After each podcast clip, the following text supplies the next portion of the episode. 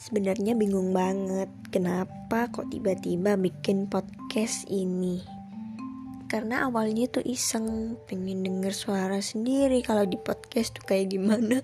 Ternyata setelah dibuat dan aku coba dengerin astagfirullah parah itu suaranya bener-bener gak niat dan jelek jadi aku cuma buat ini buat bisa menghapus episode pertamanya. Sekian, terima kasih.